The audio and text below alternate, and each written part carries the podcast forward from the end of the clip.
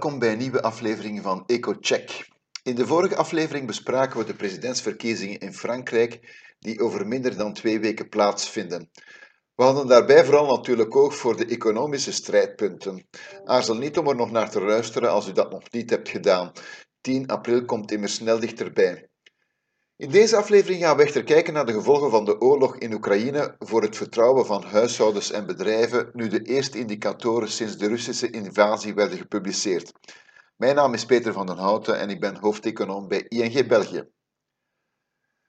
Sinds het begin van de oorlog in Oekraïne is de economische analyse in nevelen gehuld. Alle economische indicatoren die sindsdien zijn gepubliceerd waren immers gebaseerd op gegevens van januari of februari. Maar wanneer zich een grote schok voordoet, weten we dat deze de economische trajecten van groei, inflatie, werkgelegenheid enzovoort zal wijzigen. We kunnen dus niet meer vertrouwen op informatie die wordt verstrekt door indicatoren die aan de schok, schok voorafgingen. Gegevens over de industriële productie, de detailhandelsverkoop en al het basismateriaal voor economische analyse hebben ons de afgelopen, afgelopen maand dus alleen in staat gesteld om te bepalen waar we ons bevonden voor de oorlog in Oekraïne, maar gaven ons geen informatie over het effect van de schok zelf. Dat is overigens niet de eerste keer dat we in dergelijke situatie verkeren. Toen COVID in 2020 arriveerde, was er precies hetzelfde probleem voor conjunctuuranalisten. Geen wonder dat iedereen uitkeek naar de publicatie vorige week van de eerste vertrouwensindicatoren voor maart, die een indruk moesten geven van het effect van de oorlog op de economie. De meeste van deze indicatoren worden verzameld door middel van een enquête in de eerste helft van de maand en vervolgens gepubliceerd tussen de 20ste en de 25ste van dezelfde maand. De indicatoren voor maart weerspiegelen dus de stemming onder huishoudens en het bedrijfsleden vlak na het begin van de oorlog, die met de Russische invasie op 24 februari is van start gegaan. We concentreren ons vooral op de eurozone. Laten we beginnen met de indicatoren van het consumentenvertrouwen. De vertrouwensindex in België daalde zoals verwacht. De omvang van de correctie is in feite vergelijkbaar met degene van april 2020, toen COVID in onze contraien begon te circuleren.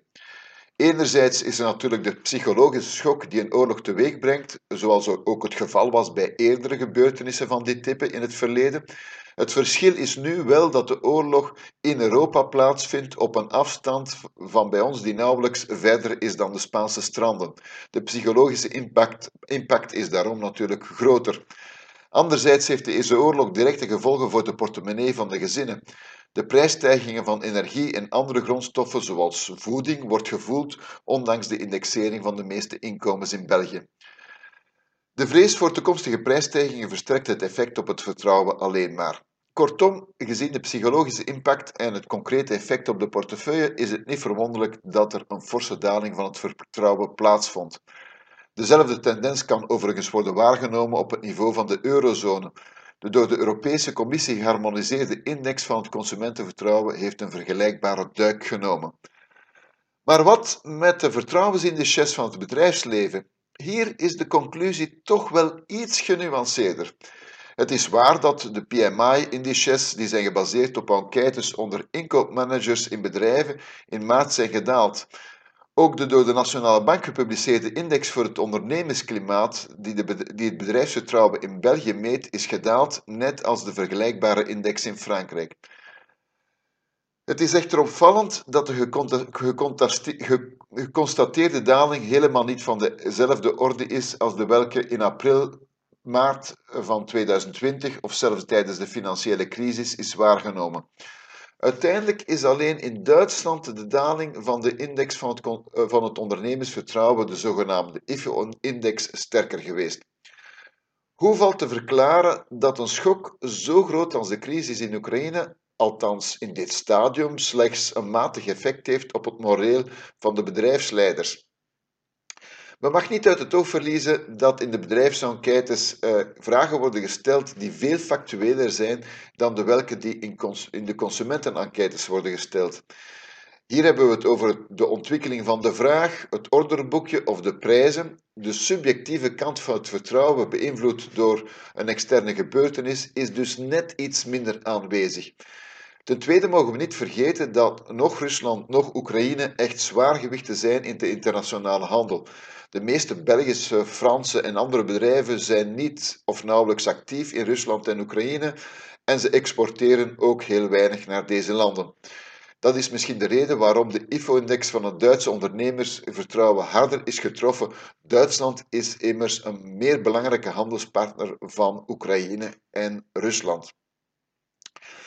Alhoewel beide landen geen zwaargewichten zijn in de wereldhandel, zijn ze natuurlijk wel erg belangrijk uh, in de grondstoffenmarkt, zowel wat betreft uh, metalen, uh, energie, maar ook voedingsgrondstoffen zoals tarwe en ehm, maïs. De daaruit voortvloeiende stijging van de, van de kosten van van de prijzen van deze grondstoffen heeft ernstige gevolgen voor de gezinnen, zoals we al hebben gezien, maar natuurlijk ook wel voor de bedrijven. Dit gezegd zijnde heeft een onderneming altijd, theoretisch althans, de mogelijkheid kostenstijgingen door te berekenen in haar verkoopsprijzen, hetgeen de gevolgen voor de marges binnen de perken zou moeten houden en dus ook voor het vertrouwen. Bovendien blijkt uit de enquête zeer duidelijk dat de ondernemingen verwachten dat hun verkoopsprijzen zullen kunnen stijgen in de komende maanden. Dit kan verklaren waarom bedrijven die weinig of geen zaken doen uh, in Oekraïne of Rusland en denken dat zij kostenstijgingen kunnen doorberekenen in de verkoopsprijzen, voorlopig minder negatief zijn in de bedrijfsenquêtes. Wat zeggen al deze puzzelstukjes ons nu over de conjunctuur en over de groeiverwachtingen? Aan de ene kant weten we dat in de komende maanden de gezinsconsumptie toch wel wat zal vertragen, want er is toch nog altijd een band tussen het consumentenvertrouwen en de consumptie. Uh, anderzijds ja, denken we dat er toch ook een iets grotere voorzichtigheid bij de bedrijven zal komen, bijvoorbeeld op het vlak van de investeringen, maar de schok zou in dit stadium zeker nog niet tot een heel zware recessie mogen leiden, omdat het bedrijfsleven over het algemeen vertrouwen blijft houden in zijn vermogen om de schok op te vangen. Met het oog hierop hebben we onze groeiprognose voor de eerste helft van het jaar inderdaad naar beneden bijgesteld, waarbij de kans op negatieve groei in het eerste of tweede kwartaal toch wel groot is. Maar over het hele jaar genomen zou de economische groei nog altijd positief moeten blijven. Toch nog een waarschuwing. Aangezien de koopkracht van de gezinnen ondermijnd wordt door de stijging van de energieprijzen en de voedingsprijzen, zullen zij niet in staat zijn alle prijsstijgingen die in het verschiet liggen op te vangen zonder hun consumptieprofiel te wijzigen. Sommige sectoren en bedrijven kunnen daardoor in de komende maanden met een daling van de vraag worden geconfronteerd, waardoor zij minder goed in staat zullen zijn in kostenstijgingen in de verkoopsprijzen door te rekenen. Het laatste woord over deze crisis is dus duidelijk nog niet gezegd. Bedankt om te luisteren en graag tot een volgende keer.